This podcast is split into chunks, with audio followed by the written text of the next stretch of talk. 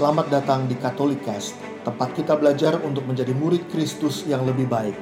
Katolikas bertujuan membantu kita semua untuk semakin berakar dalam iman pada Yesus, bertumbuh dalam persaudaraan dengan semua orang, serta berbuah dalam berbagai karya kasih demi gereja, bangsa, dan sesama. Katolikas berisi cerita kesaksian dan refleksi hidup sebagai pengikut Kristus, katekese iman yang relevan dan praktis untuk hidup sehari-hari, serta dialog topik-topik kekinian dengan berbagai narasumber untuk memperkaya hidup iman kita semuanya.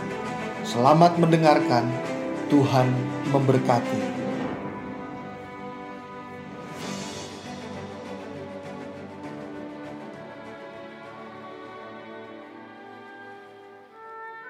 Kita jumpa lagi di dalam refleksi bacaan mingguan.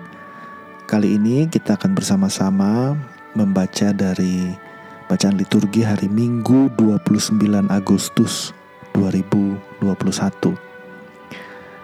Bacaan pertama diambil dari kitab Ulangan bab 4 ayat 1 sampai 2 dilanjutkan dengan ayat 6 sampai 8. Di padang gurun seberang sungai Yordan, Musa berkata kepada bangsanya, "Hai orang Israel, dengarlah ketetapan dan peraturan yang kuajarkan kepadamu untuk dilakukan, supaya kamu hidup dan memasuki serta menduduki negeri yang diberikan kepadamu oleh Tuhan, Allah nenek moyangmu. Janganlah kamu menambahi apa yang kuperintahkan kepadamu, dan janganlah kamu menguranginya. Dengan demikian, kamu berpegang pada perintah Tuhan Allahmu yang kusampaikan kepadamu Lakukanlah itu dengan setia, sebab itulah yang akan menjadi kebijaksanaan dan akal budimu di mata bangsa-bangsa. Begitu mendengar segala ketetapan ini, mereka akan berkata, "Memang bangsa yang besar ini adalah umat yang bijaksana dan berakal budi." Sebab bangsa besar manakah yang mempunyai Allah yang demikian dekat kepadanya seperti Tuhan Allah kita setiap kali kita berseru kepadanya? Dan bangsa besar manakah yang mempunyai ketetapan dan peraturan demikian adil seperti seluruh hukum yang kubentangkan kepadamu pada hari ini? Bacaan kedua diambil dari uh, surat Yakobus bab 1 ayat 17, 18, 21b, 22 dan 27.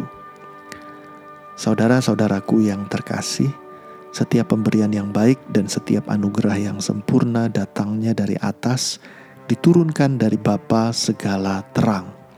Padanya tidak ada perubahan atau bayangan pertukaran. Atas kehendaknya sendiri ia telah menjadikan kita oleh firman kebenaran, supaya pada tingkat yang tertentu kita menjadi anak sulung di antara semua ciptaannya. Terimalah dengan lemah lembut firman yang tertanam dalam hatimu, yang berkuasa menyelamatkan jiwamu. Hendaklah kamu menjadi pelaku firman dan bukan hanya pendengar. Sebab jika tidak demikian, kamu menipu diri sendiri. Ibadah sejati dan tak bercela di hadapan Allah Bapa kita ialah mengunjungi yatim piatu dan janda-janda dalam kesusahan mereka dan menjaga supaya dirinya sendiri tidak dicemarkan oleh dunia. Bacaan Injil diambil dari Markus bab 7 ayat 1 sampai 8, ayat 14 15, lalu ayat 21 hingga 23. Pada suatu hari, serombongan orang Farisi dan beberapa ahli Taurat dari Yerusalem datang menemui Yesus. Mereka melihat beberapa murid Yesus makan dengan tangan najis, yaitu dengan tangan yang tidak dibasuh. Sebab orang-orang Farisi, seperti orang-orang Yahudi lainnya, tidak makan tanpa membasuh tangan lebih dahulu karena mereka berpegang pada adat istiadat nenek moyang. Dan kalau pulang dari pasar mereka juga tidak makan kalau tidak lebih dahulu membersihkan dirinya. Banyak warisan lain lagi yang mereka pegang, umpamanya hal mencuci cawan, kendi dan perkakas tembaga. Karena itu, orang-orang Farisi dan ahli-ahli Taurat itu bertanya kepada Yesus, Mengapa murid-muridmu tidak mematuhi adat istiadat nenek moyang kita? Mengapa mereka makan dengan tangan najis? Jawab Yesus kepada mereka, benarlah nubuat Yesaya tentang kamu, hai orang-orang munafik. Sebab ada tertulis, bangsa ini memuliakan aku dengan bibirnya, padahal hatinya jauh daripadaku. Percuma saja mereka beribadah kepadaku, sedangkan ajaran yang mereka ajarkan ialah perintah manusia. Perintah Allah kamu abaikan untuk berpegang pada adat istiadat manusia. Lalu Yesus memanggil orang banyak dan berkata kepada mereka, "Dengarlah aku dan camkanlah ini. Apa pun dari luar yang masuk ke dalam seseorang tidak dapat menajiskan dia, tetapi apa yang keluar dari seseorang itulah yang menajiskan dia." Sebab dari dalam hati orang timbul segala pikiran jahat, percabulan, pencurian, pembunuhan, perzinahan, keserakahan, kejahatan, kelicikan, hawa nafsu, iri hati, hujat, kesombongan, kebebalan. Semua hal-hal jahat ini timbul dari dalam dan menajiskan orang. Teman-teman semuanya, bacaan hari ini mengajak kita semuanya untuk sungguh-sungguh berpegang pada sabda Tuhan apa yang diperintahkan oleh Tuhan. Kita perhatikan pada bacaan pertama tadi, uh, kitab Ulangan mengatakan bahwa Musa itu berkata kepada bangsa Israel, "Hai orang Israel, dengarlah ketetapan dan peraturan yang kuajarkan kepadamu untuk dilakukan supaya kamu hidup dan memasuki serta menduduki negeri yang diberikan kepadamu oleh Tuhan Allah nenek moyangmu. Lalu Musa menambahkan, jangan menambahi apa yang kuperintahkan dan jangan juga mengurangi. Dengan demikian kamu berpegang pada perintah Tuhan Allah yang kusampaikan kepadamu. Musa men menjaga otentisitas keaslian dari sabda Tuhan kepada umat Israel sehingga umat Israel itu berpegang hanya pada perintah Tuhan saja. Jangan ditambahkan, jangan dikurangkan. Hanya sabda Tuhan. Pegang itu, dengar itu, lakukan itu supaya kamu hidup. Jadi kalau berpegang pada perintah Tuhan, kita akan hidup. Artinya kita akan mendapatkan anugerah kehidupan seperti yang Tuhan mau, bahkan hidup yang kekal. Pada bacaan Injil, Yesus menegaskan seruan ini, dan Yesus uh, membuat perbandingan lebih jauh lagi.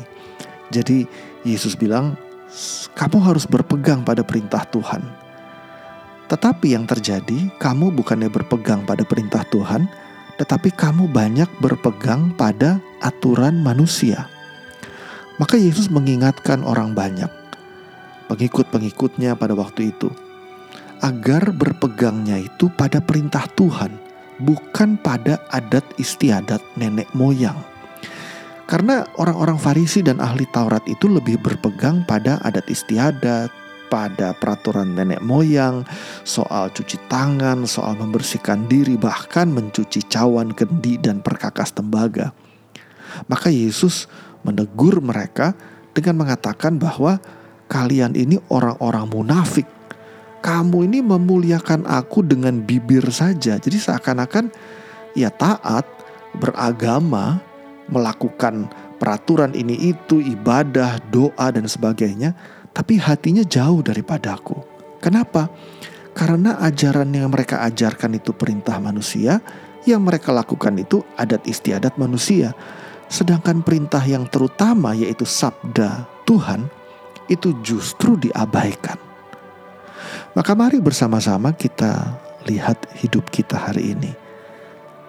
Berapa banyak dari kita yang lebih melekat pada aturan manusia, misalnya gak enak sama orang sehingga melanggar perintah Tuhan, atau tidak mau mewartakan kabar gembira karena nanti takut kata orang aku tidak peka terhadap situasi, atau takut berbicara mempertanggungjawabkan iman karena nanti menyakiti orang lain, atau ikut perbuatan buruk yang dilakukan orang lain yang adalah dosa demi supaya bisa diterima oleh lingkungan misalnya.